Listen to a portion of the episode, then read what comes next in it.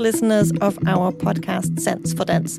This episode has a conversation in English, but we will just start with a quick introduction in Danish. So if you don't want to listen to that, just fast forward a few minutes and then you'll get right to the conversation. Hej og velkommen til Sans for Dans, Dansk Danseteaters podcast, den her gang med en særepisode, for vi har været live på Copenhagen Sommerdans den 8. juli i år. Det er der, vi har optaget den her samtale. Jeg hedder anne Sofie, og jeg sidder lige nu her i studiet med Patricia og Julie, fordi det er mine skønne kollegaer, der har taget sig af den her samtale og snakket med de koreografer, vi havde på Copenhagen Sommerdans. Og øh, uh, Summerdance er vores store open air event, som Dansk Danseteater arrangerer hvert år på Ophelia Plads. Og der har vi forskellige værker med, og i år havde vi besøg af Holstebro Dansekompani, og så har vi også selv med Dansk Danseteater været der. Og øh, ja, Patricia, hvordan var det at stå på Ophelia Plads og snakke? Jamen, det er altid dejligt at være på Ophelia Plads. Men vi skal lige sige til lytterne her, fordi vi sad jo udenfor på skønne plads der. Og der kommer der jo lidt en, en noget susen og noget brusen, og øh, en speedbåd, og nogen, der er fuld, og en måge, der skriger, og sådan nogle ting. Så det er altså også lidt på, på den her øh, podcast, men det, det, gør, det giver lidt ekstra øh, spice.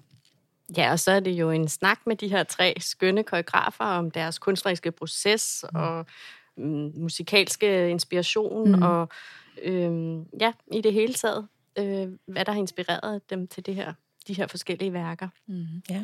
Julie, hvad tog du med dig fra den her samtale?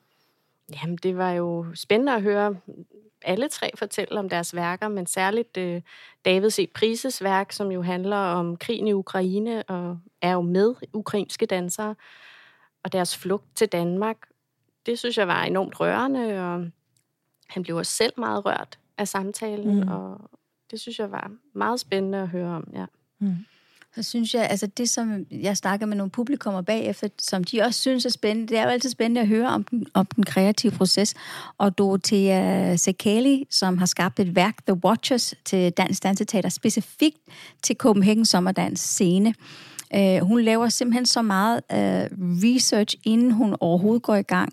Og hun er selv en helt fantastisk danser. Jeg har været hendes prøveleder, uh, og jeg synes, at det var så fantastisk at høre hende gå endnu mere ind i hendes research og, og, og høre hende snakke om, hun er virkelig veltalende, øh, når hun snakker om sit værk. Ja, det var imponerende.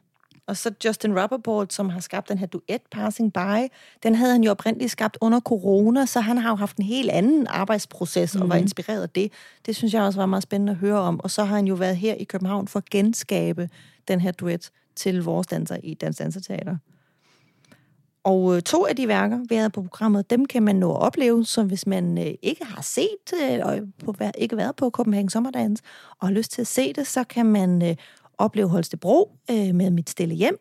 De turnerer i september og oktober her i 2023 rundt omkring i landet, og man kan gå ind på holstebroteater.dk-dans og finde de konkrete datoer og spillesteder.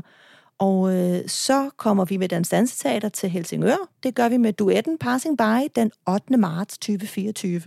Så der er altså mulighed for at følge lidt op på samtalen her. Men øh, skal vi ikke bare kaste os ud i det og lytte til, hvad de har at fortælle? Det synes jeg. Lad os det.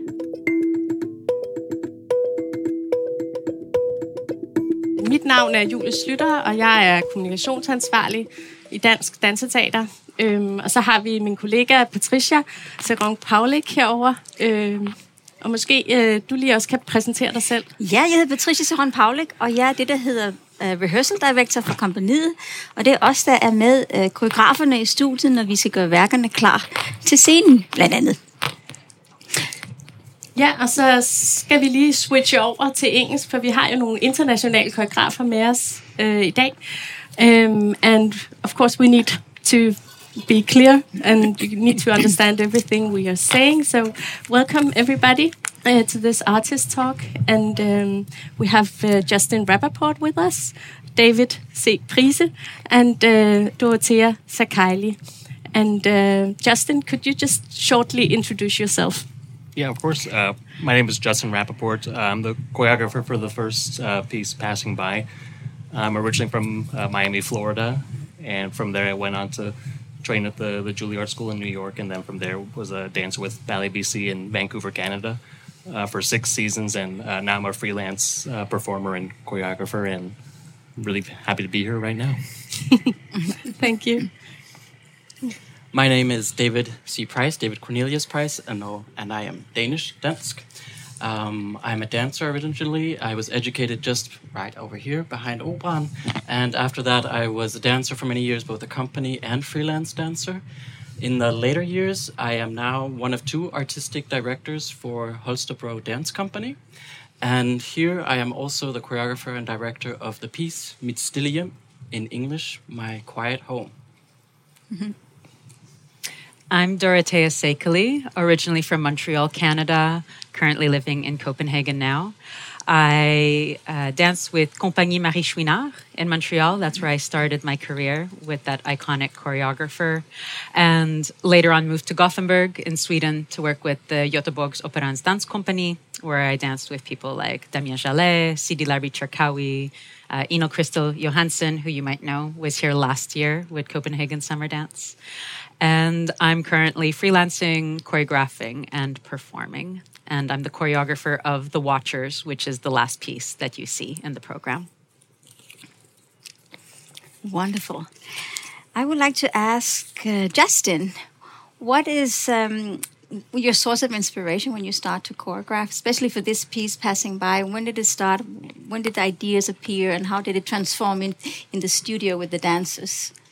Uh, yeah, it transformed and progressed pretty quickly. I would say much in really rapid succession, more than what I'm used to. Um, it was originally created in uh, 2021, which uh, then we were in the midst of the, the pandemic and mm-hmm. uh, lockdowns and everything, all these restrictions, both uh, in work and socially in you know society. So it was a lot of bubbles, internal talk, and not a lot of um, expression of movement, especially with each other, with physical touch at the time. So um, while at Ballet BC, we uh, produced this uh, artist dancer produced show mm-hmm. and um, i just wanted to take that opportunity to collaborate and work with my colleagues and my friends and uh, coincidentally family in, in ballet bc with my brother and uh, my friend ray and just at the time we just, i just grabbed the two of them and said let's just make this raw visceral duet together and just see what happens from there and then so with that raw movement i'm kind of also thinking retrospectively about the lack of uh, of physical interaction or even social interactions, uh, specifically of you know everyday commuting to and from work or to mm-hmm. to friends on a packed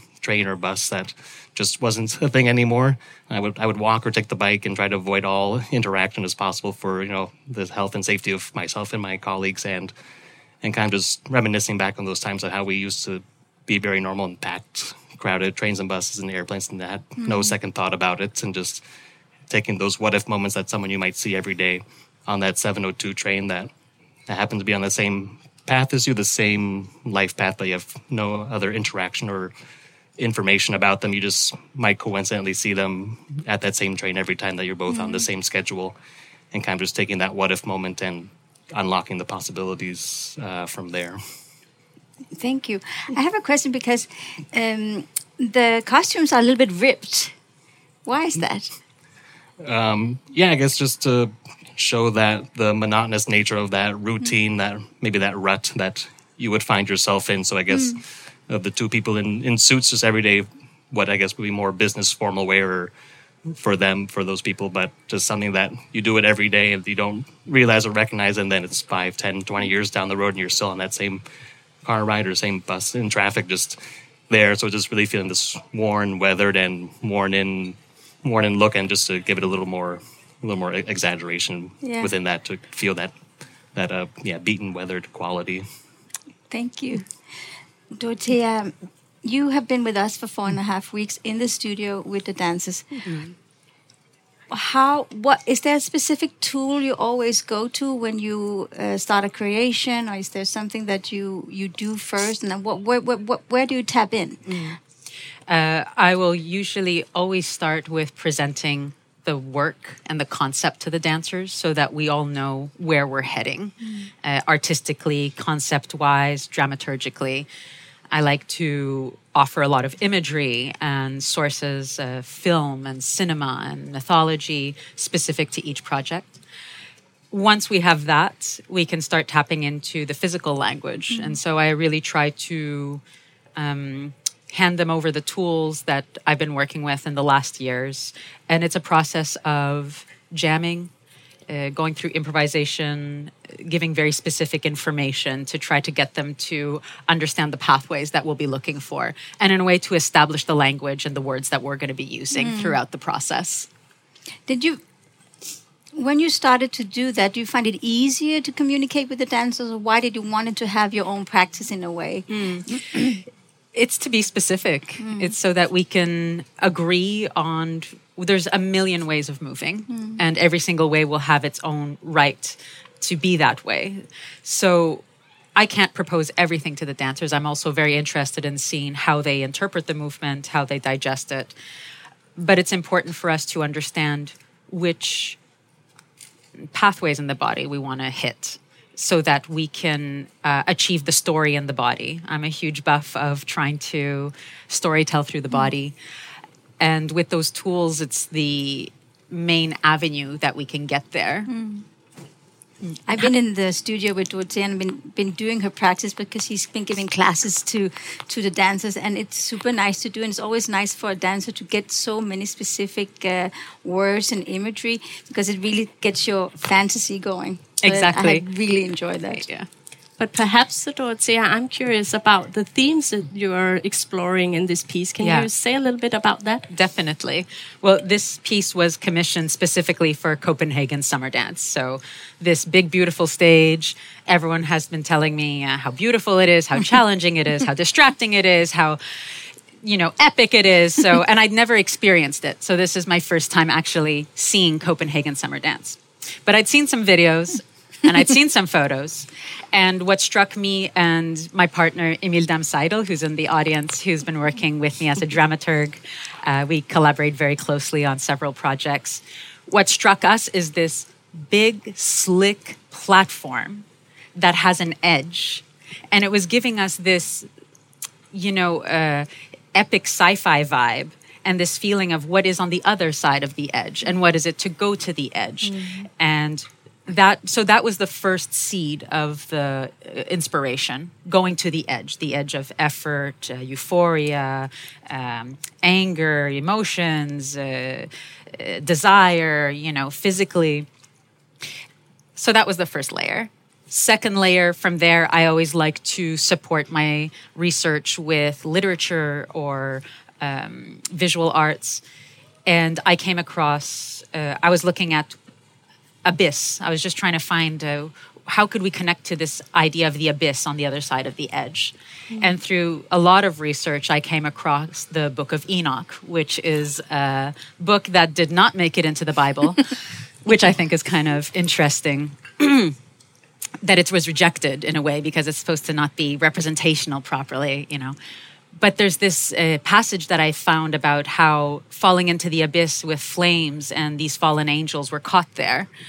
And that was the link that could f- bridge the gap between the edge being uh, going into the abyss and falling and these ideas of a fallen angel and these angels in the book of uh, Enoch are seduced by human life and they want to come down to earth and mix with humans and almost give up who they are and be more than who they are uh, at a pretty big cost it uh, you know is what uh, déclenche it's what makes the flood of Noah happen, you know, because there's a destruction from God afterwards.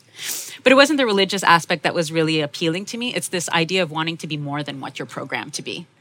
And that was this idea of these fallen angels um, challenging themselves and challenging restrictions and uh, going to the edge of what's allowed. And how do you? I'm just curious because when you have this very specific theme, how Yeah. do you tell the dancers to work with that in Yeah. the studio? Can you? Yeah. Do you have an example that can make it a little bit more clear for Definitely. the audience? um, for example, the last scene where it's a more staccato movement and something that's a bit more uh, restricted in the body and something that keeps getting interrupted. That's a type of quality that I really enjoy working with.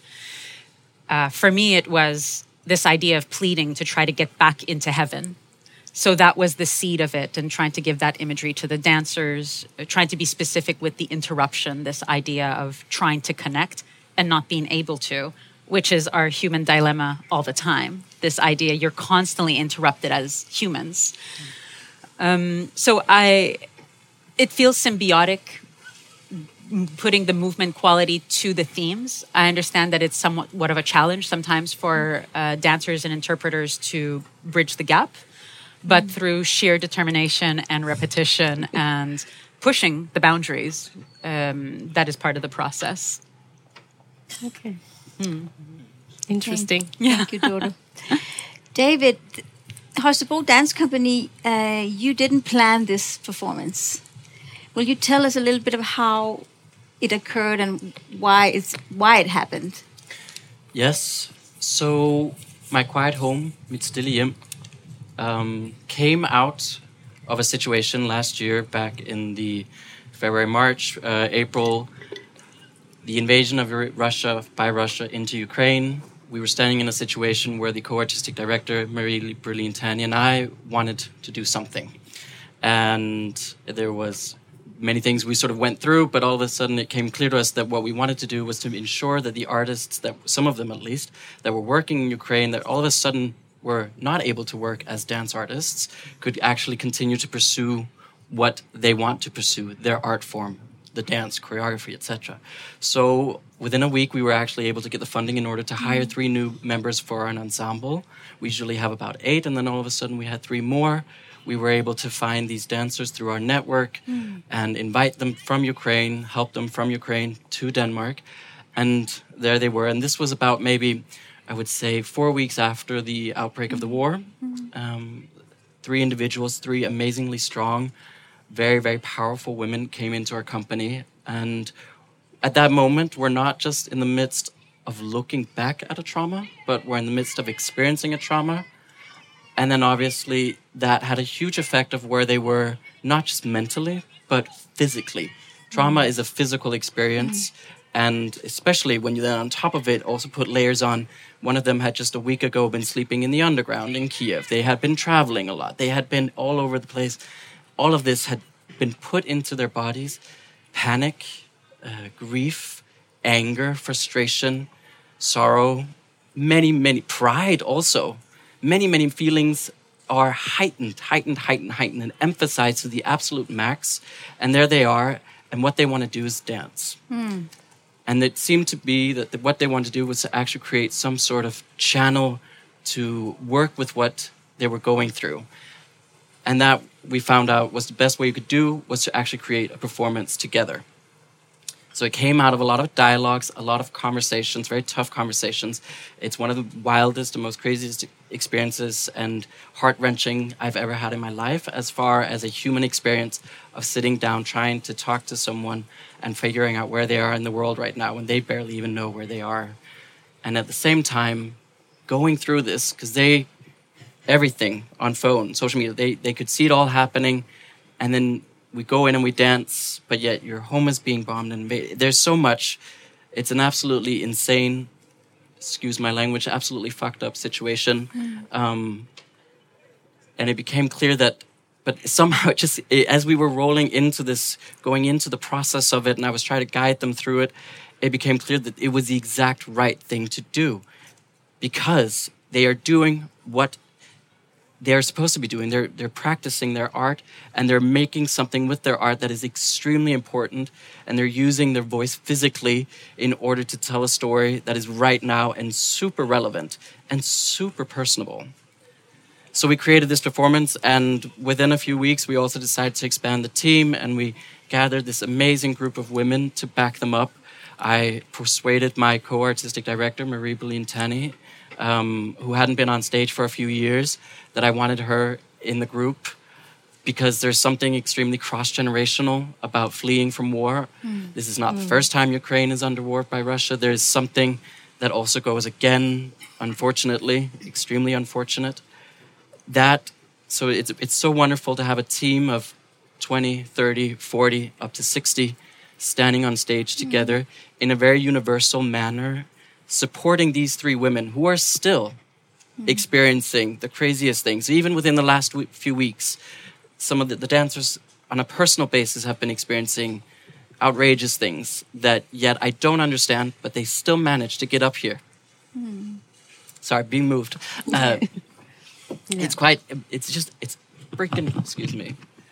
It's freaking unbelievable what human beings are able to do, especially these three individuals. Um, they go up here and they kick ass.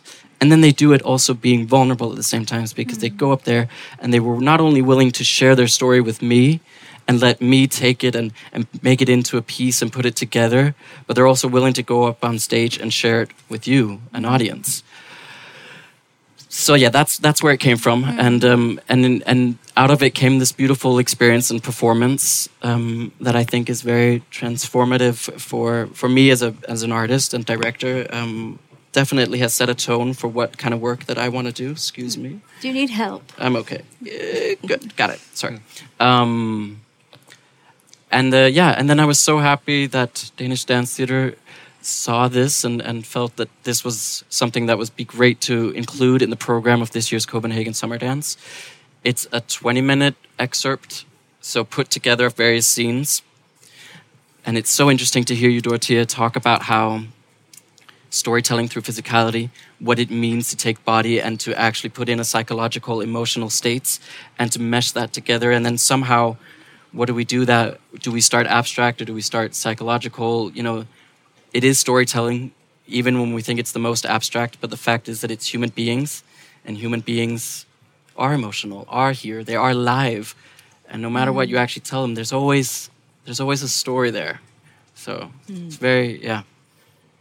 How was it for you? You were you were in the studio with the with the with the three beautiful dancers from Ukraine. You just started started on physicality. Did you start with conversation, dialogue? How was the creative process for you? Creative process with uh, the three dancers, uh, Yekaterina, Katerina, and Alexandra, was very much to begin with a dialogue. It was conversation, and that's also there was also something about building up a trust and understanding of where was the where could we go with this and where is too much and where's too little and, and how powerful. And so it started in dialogues. From there we had managed to or i worked with establishing some themes and some concepts that i felt was going again in what they were talking about and what they were telling me sort of uh, sieving out um, is that what you call it in english when you sort of funnel things out um, from what the, the conversations? And out of that derived these themes concepts. And from that i created various tasks that actually generated abstract movement because it's somehow it's process that i, I, I my go-to processes that for psychological emotional uh, human theme concept approach that with abstract challenges and then from that put that back onto the stage and put it back together in a dramaturgical sense that is also of a sort of human nature emotional psychological process that people go through. That pathway i think is, is vital for my process because we have to step away from emotions and go into it physically and then be able to go back to it there's something about that distance going in and out of it that i in, that i think creates something very specific and something that i enjoy and that i feel touches a lot as an audience Um, one of the dancers are talking in in um, in the piece, and I don't speak Ukraine. Could you just tell us what she says? Yes, uh, I'm not sure I can give a one to one translation, but it is a children's song. Um, and this is actually a very relatively uh, new thing that she's interpreted, put into the piece. Um, but it's a song that is a, it's a children's song about the sun and the water and how everything sort of, the sun puts everything into motion. Um, and uh, Sasha, Alexandra, Sasha's nickname, uh, she uh, she brought this into the workspace as something that has a memory that she has had with her grandmother and so on, and and and from her childhood.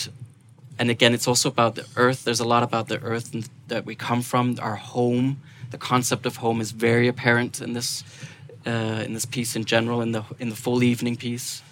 So it's it's a lot of again. It's also the cross generational thing, looking back at the past that has experienced the same, and yet we continue in this. It's repeating itself again. Yeah, but the song is a is a child. It's a nursery uh, rhyme song. Yeah, Thank you. And I have been thinking a little bit about you already explained a little bit about the, the title, My Quiet Home. Can you say a few words about how you came up with that? Yeah, so the quiet, my quiet home, Mit Stille Hjem, was originally the name of a poet by a Ukrainian poet, very well-known poet, um, and we had to because when this was all happening, it was very intense. It was very fast. Um, I usually when we create performances, we start maybe I don't know. I, prefer maybe a couple of years before a year and a half. Maybe start maybe making a concept and and developing an idea. That was not the case here. Uh, the concept came in with the three people who work who came into our into to Denmark and into the workspace, and we had to sort of so I just kind of delved into Ukrainian culture and then this poem My Quiet Home came up to be perfectly honest it didn't make its way into the to the final piece um, that's how the creative process is um, but that's it was a starting point um, the word my quiet the, the words my quiet also have a lot of connotations to the fact of course that Ukraine, Kiev, Kramatorsk, uh, Donetsk, uh, all of these cities are everything but uh, quiet mm-hmm. now. Um, sound is a very interesting. Is, a, has a, it's an amazing. It's unbelievable how much it can trigger. Yeah. Um, it's uh yeah. Quiet home is is yeah. what maybe we dream of or they dream yeah. of. Yeah. And it is not what they have at mm. home at the moment. Mm. Mm. There is some very powerful uh, uh, music in all three uh, performances. Dorotea, in your piece, there was new composed music. Mm. How were you working with the composer? Yeah, so it was the first time working with Andreas K. Westmark, who's a very talented, uh, humble. He's like a big, gentle giant, also very supportive. Um, I talked about the concept with him. It's a new collaboration, so we had to understand how we like working together, and it was really a partnership in understanding that. Um, talked about the themes. I put together like a document for him to read through. We had a lot of meetings. And then, as opposed to trying to pinpoint sounds from the beginning, we decided to go with questions. Uh, what would it sound like for the first angels to walk on earth be? Uh, what would be the sound of the deepest rock crumbling? How does it sound when a giant crumbles? So, pulling from the book of Enoch this imagery and posing those questions to Andreas.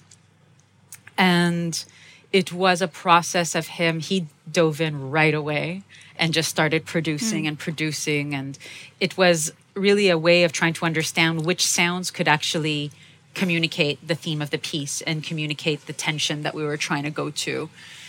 We were also taking into account the space that we were going to be in, trying to understand how to manage the space, what sounds could grab the attention of the audience without screaming at the audience mm-hmm. uh, and more pulling them in to the world that we were trying to build he um, yeah he, he, was also very keen on finding a mix between the ambient sounds and the arpeggios which is a type of uh, music that has a lot of different uh, scales and notes to it that goes kind of like uh, eternity. So we were trying to find the balance in when it had to be uh, active, when it had to be quiet. Finding silence in the piece was important in the midpoint. Mm. We were also trying to push having longer scenes and having a longer development of one track as opposed to chopping it up mm. too much. Um, so it's been a, a, joy working with him and it's also i've been usually working with another composer. Uh, so it's always a bit like getting to know someone new getting to know their practice getting to know their style getting to know their way of accessing images or what sparks them and he's a very uh, evolved artist. So mm. it's also like how to get him to get inspired by the theme.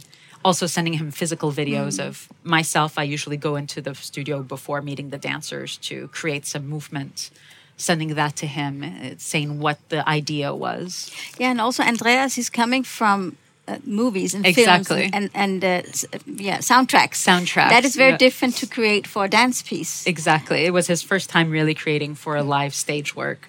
So also understanding what the dancers needed on stage, what I needed to make sure that we can keep consistency throughout the piece. Uh, that we have markers that are during the piece, and usually it's about stripping down the soundtrack to give space for the dance to live. It's beautiful. Justin, I was you are using popular music. How did that? Is that your favorite music that you had to when you were commuting back and forth that you were listening to during the pandemic? Uh, not before, but definitely during creating it was on all the time. But it was but kind of both artistically and out of necessity for what we were creating. Um, I kind of heard the just listening to lots of different music when creating this and just pulling from anywhere and everywhere that I could. And then I kind of stumbled upon the the second track, uh, "Wait for Me," which kind of the not that it's about the lyrics but they just kind of uh, I was attracted to them and the idea of I guess that seeing someone and that what if moment that if you could move on together or separately, kind of that asking just to wait for me and just how that goes from there. So kind of finding that song just kind of catapulted and springboarded me to find all keep some cohesion I like to keep within for you know, musically with more of his work. I kind of found the the three of them that bridge together this sense of um, both ambient to support uh, the sound and the dancing, uh, but also kind of fulfill and give also nurture and give some uh, foundation for the dancers to to kind of work off that as well. And then um, uh, practically with this uh, for this show that uh, originally created uh, with Ballet BC was so at the time there was no live gatherings or shows or events that we couldn't do, so we kind of had this show out of necessity to present it online and share with our audiences virtually and have it all filmed in a black box theater. And at the time for producing, there's also the element of you know lighting and marketing and also music rights that Yes. I never dove into before. And then uh, I was fortunate to find that with with all of Moby's music, he has an online data bank that he gives for free for video presentations, uh, mostly for for students, but also for free shows and movies and kind of um, moments of uh, learning and things like that. So I was able to kind of get the rights that way and Yeah. work through that. For it was a free online show that we were doing and presenting. So also from a practical and legal standpoint, it Yeah, exactly. really worked out Yeah. as well. Nice. David, you're using Ukrainian music and the choirs. What, did you, the, I guess the dancers would pick that and present that to you. How there's so much beautiful Ukrainian music, especially with the with the voices and the many voices. Mm-hmm. How did you pick? How did you choose that? You're right. We did actually. One of the things that I asked them to do was to bring in a lot of this Ukrainian music that they felt was that they gave that gave a sense of empowerment to them right now, and of course that has a sort of patriotic, patriotic nationalist sort of tone to it. Um, and then we wanted to make sure that we balanced it with something that didn't feel enforced or it doesn't feel like you're forcing a national idea on anybody. So this sort of the one of the pieces of music is called Teran, which means earth, or it means the, the earth that we are from, um, which is a very well-known Ukrainian folk song, and is made by this choir, as you said, that has this vocal. What do you call it? Multi multi-vocal sort of approach to it. Yeah, and it's um one of the reasons for using that because I felt personally that it just balanced right as far as being it is emotional and it is evocative, but it doesn't it doesn't want to uh, it doesn't want to throw something in at you. And I guess that's a personal subjective. You should be maybe it does throw something at you, and and and, and others that's fine. But I felt like it was balancing at that time. But it was very important that, of course, that in this piece it was primarily Ukrainian music that has been put together by various artists. In the long evening piece, we also have music by Heineli, who's a more contemporary Ukrainian artist. And then it was sort of all put together and made into a complete soundscape by Søren Vestergaard, a sound designer who we've worked with previously as well. Um, but it, it's uh, and then we also have a very strong piece uh, piece of music called DakhaBrakha, or by the band, excuse me, called DakhaBrakha, um, which are now also touring throughout all of Europe and the world, etc., and have become very well known and have these beautiful, amazing voices, and they branch sort of between the this, uh, the what do you sort of, um, folk ethnic uh, pop rock i don't know sort of punk also kind of tone to it and and really encompasses and really embraces a lot of that energy that I am feeling, especially from these three, but also generally from the youth of Ukraine. This sort of like we have our own distinct sound, mm. our own distinguished being and a way of life and art and culture, uh, but it, and it's powerful and, and you hear it and you can recognize it right away, and mm. and that was also very important for me to implement into the mm. piece. Yeah, it's very powerful. Is it time for questions from the choreographers to the choreographers. what do you say, Julie? Yeah, I know that you have uh, you have a question for each other. So perhaps uh, Justin, um, you have a question. I know.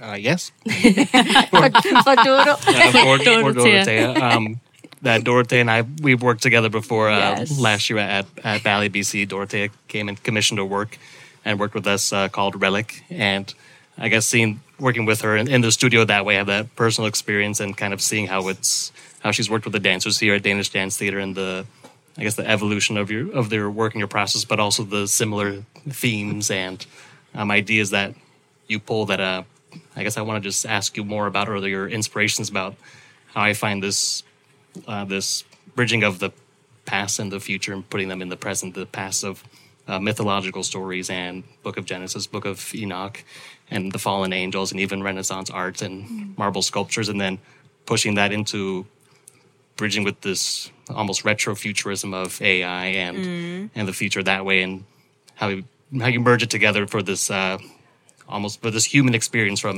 inhuman things. So I guess I want to ask how what you've taken from maybe from Relic from Ballet BC and into your uh, works throughout the past year to get uh, how you got here with uh, with the Watchers. Yeah. But I have to say, first of all, Justin was amazing in our process. It was such a joy to work with him. He's a beast on stage. um,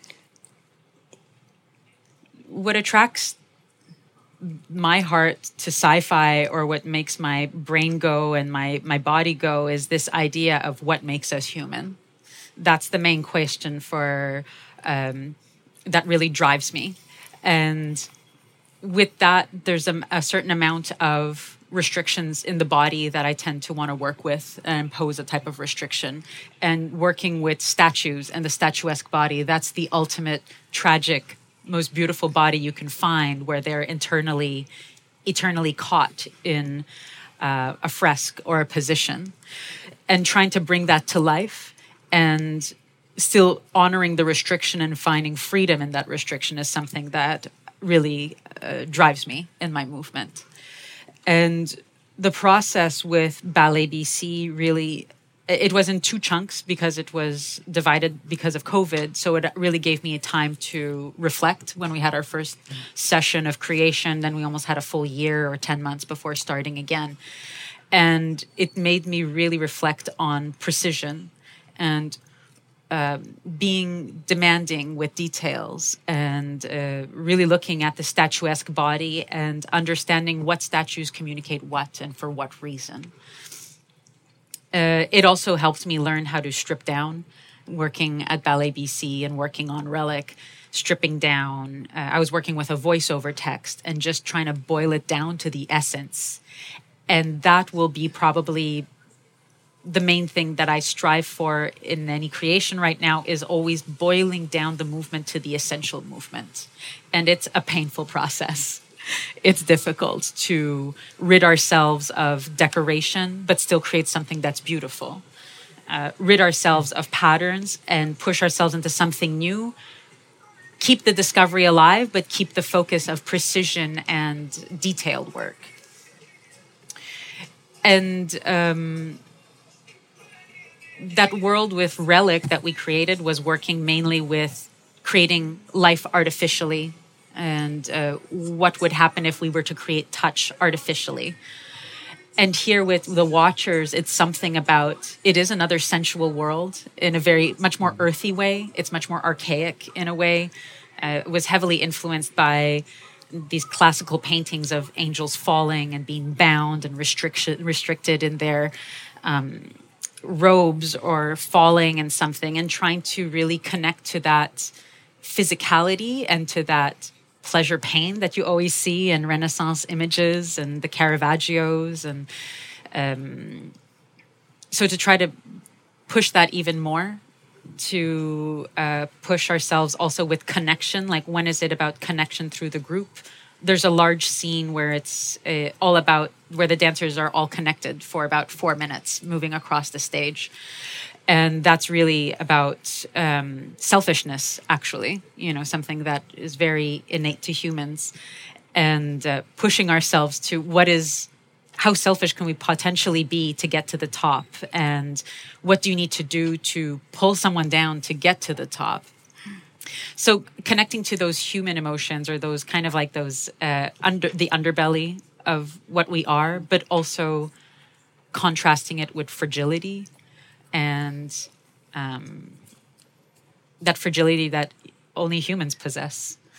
So it, it has been from relic. There was something where i discovered about fragility in the human body also and how it's okay to tap into that. And it's a power actually to put that uh, for the audience to witness through amazing articulate bodies that dancers are. And which really is very clear in your piece also i have to say the fact is that there's such a sense of continuous that dancers are working very live with with restraint and freedom consistently all the time all the i mean the the way you've managed to find that element all the way through and actually keep it really i would say you keep it interesting because i keep experiencing new sides of what it means to be free wild f- stop mm-hmm. control free mm-hmm. wild stop control consistently all the way changing. Mm. And as you say individually in a group on the like it's a very i can see how you've been so insistent on this idea and managed to find a physical concept and really really paint it through the entire piece without it at any time getting monotone. I, I really admire that. Well done mm. Thank you david And I know, Dorotea, you have also a question. Yes. Um, yeah. Yes, for David.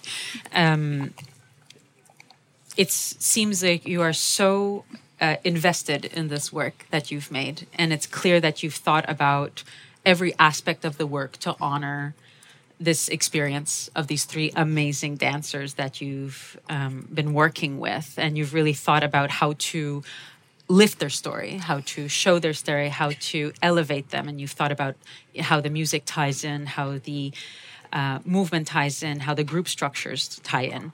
I'm really curious about how you created those amazing solos. there are some amazing solos in this piece. Yes. yes. Those solos are created in collaboration with those dancers. They would not exist if those specific dancers were not there in that collaboration. It is both, there's some physical uh, that I simply would not be able to do myself, Yeah. that I couldn't. So it's created in a dialogue. It's very much one specific solo, which I think you're referring to, uh, is created with the element of one of, of, of power, and then re- a little bit actually this interesting sort of a power and frail fragility, mm-hmm. consistent mm-hmm. sort of, and of also having to sort of actually bend yourself to a new situation, of pushing yourself into what is now a new norm, or but at the same time trying to stand your ground, but also giving up. But then you get you get up again, but you you are broken, but you're not broken. Mm. That was what we were playing with at that moment, and that has a very specific physical language, which this specific dancer is is a, is a beautiful moment that she's been able to to get into.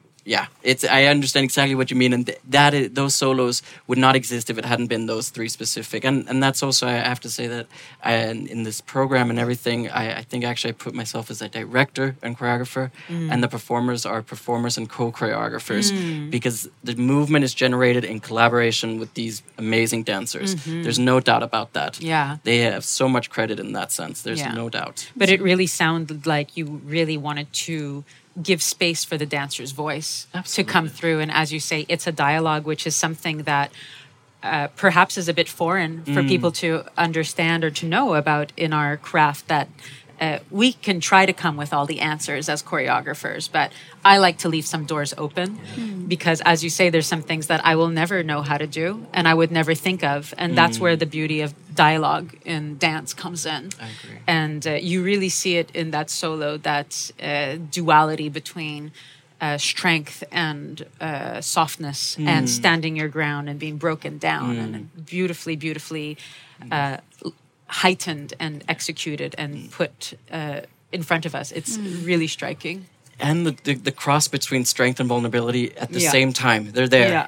right, overlapping. They're not two contrasts. They're there at the same time. Mm-hmm. And I think that's the most beautiful thing to watch, actually. When you see vulnerability and strength, it's also, Yeah. I mean, that's what love is. It's what, you know, when you're Yeah. vulnerable but strong, you know, and all these lovely cliches. But, but I, but it, but it works. It just, it touches Yeah. me right away. And, um, yeah, and then I, I enjoy diversity as seeing movement and and uh, artistry and expression in all its diversity. I love seeing that on stage. It's it's an aesthetic I guess you I have for it, and I and I think when you can get that, and then you can focus people's intention, energy into something together, hmm. the most amazing things happen. Yeah. yeah. I have to say, it's a joy to watch different generations on stage. Hmm. There's only a select few choreographers who actually have the bravery to do that, actually. You know, hmm. dance can also become a very young art form. I talk a lot about it with my partner, Emil, how. Uh, you know, the youngest is the best, you know, and youth brings such uh, fierceness to our craft and our stage, but maturity brings this calmness and knowing where your body is, and also meeting your restrictions as you get older is incredibly humbling. But there's a strength in um, also being the teacher for the young and the guide for the younger dancers and showing them what the possibilities are. you know Absolutely. my background with Marie Chouinard, who uh, in Montreal, the company I danced with, she was 56 when I joined the company.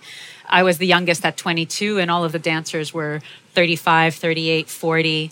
And I don't know, I just, and they were kick ass dancers, you know. I was like, I want to be like that. So that was my mm. upbringing in dance in my professional life. So I always just saw strong women and men who were older. And I thought mm. that's when you're actually able to bloom. Mm. So I just want to commend you also for um, giving us that gift of seeing different generations on stage. It's beautiful. Thank you. And then we have one last Yes. question. Can I ask you, have you made any new observations? Because now uh, there's this wonderful fact that the, you there's a new cast every day, isn't it? A new cast. Yeah, we're shifting. Yeah. Shifting, yeah. So there's a new Shake cast back. of Danish dance theater, and it's a new. So that means it's a new couple. Have, are you making? Is that giving you sort of a new observation, seeing these different approaches or different interpretations, or Oh yeah, absolutely. That there's that this freshness, aliveness within each each couple that I that I were working with them. That was within the week, just giving them the what the laid out choreography is, but then at the same time leaving small subtle changes in interpretation that they could take for their own. And there's a lot of elements of uh, Im- improvisational tasks that are embedded into the choreography that I kind of gave them the ideas and movement qualities behind it, and then I kind of let them run and take it from there, and then kind of together we curate it after. But I've for those subtle moments, I have three very different versions that I thoroughly enjoy and um, find really touching that they've taken that upon themselves.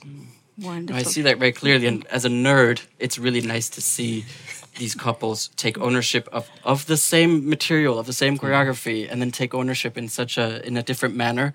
And I think actually that that credits to the the, the quality of the choreography because they're able to do that, yet still have space for personal ownership and interpretation. So yes, credit to that.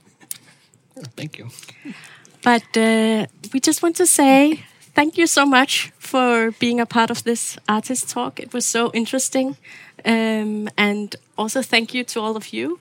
Um, and uh, I hope you will enjoy the show. Uh, now you have a lot of information. you have all the you will understand scoops. everything. Thank you so much, Dorotea, It's a pleasure. David, and Justin, Sure, and thank you. Julie. Thank you both Thank for you. beautifully curating it. Yeah. Nicely done.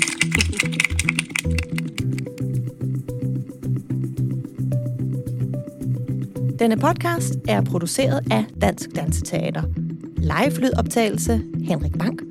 Lydoptagelse og klip Jason Nelson. Musik og masterering Mikkel Larsen. Grafik Søren Meisner. Idé og tilrettelæggelse Patricia Seron Paulik, Julie Slytter, Trine Rensi Laversen og Anne-Sophie Gertz. Bag mikrofonen til Artestalken havde vi Patricia Seron Paulik og Julie Slytter, samt vores gæster Dorothea Sakali, Justin Rappaport og David C. Prise. Tak til Det Kongelige Teaters Lydstudie.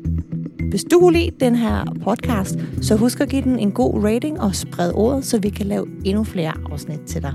Tak for den her gang.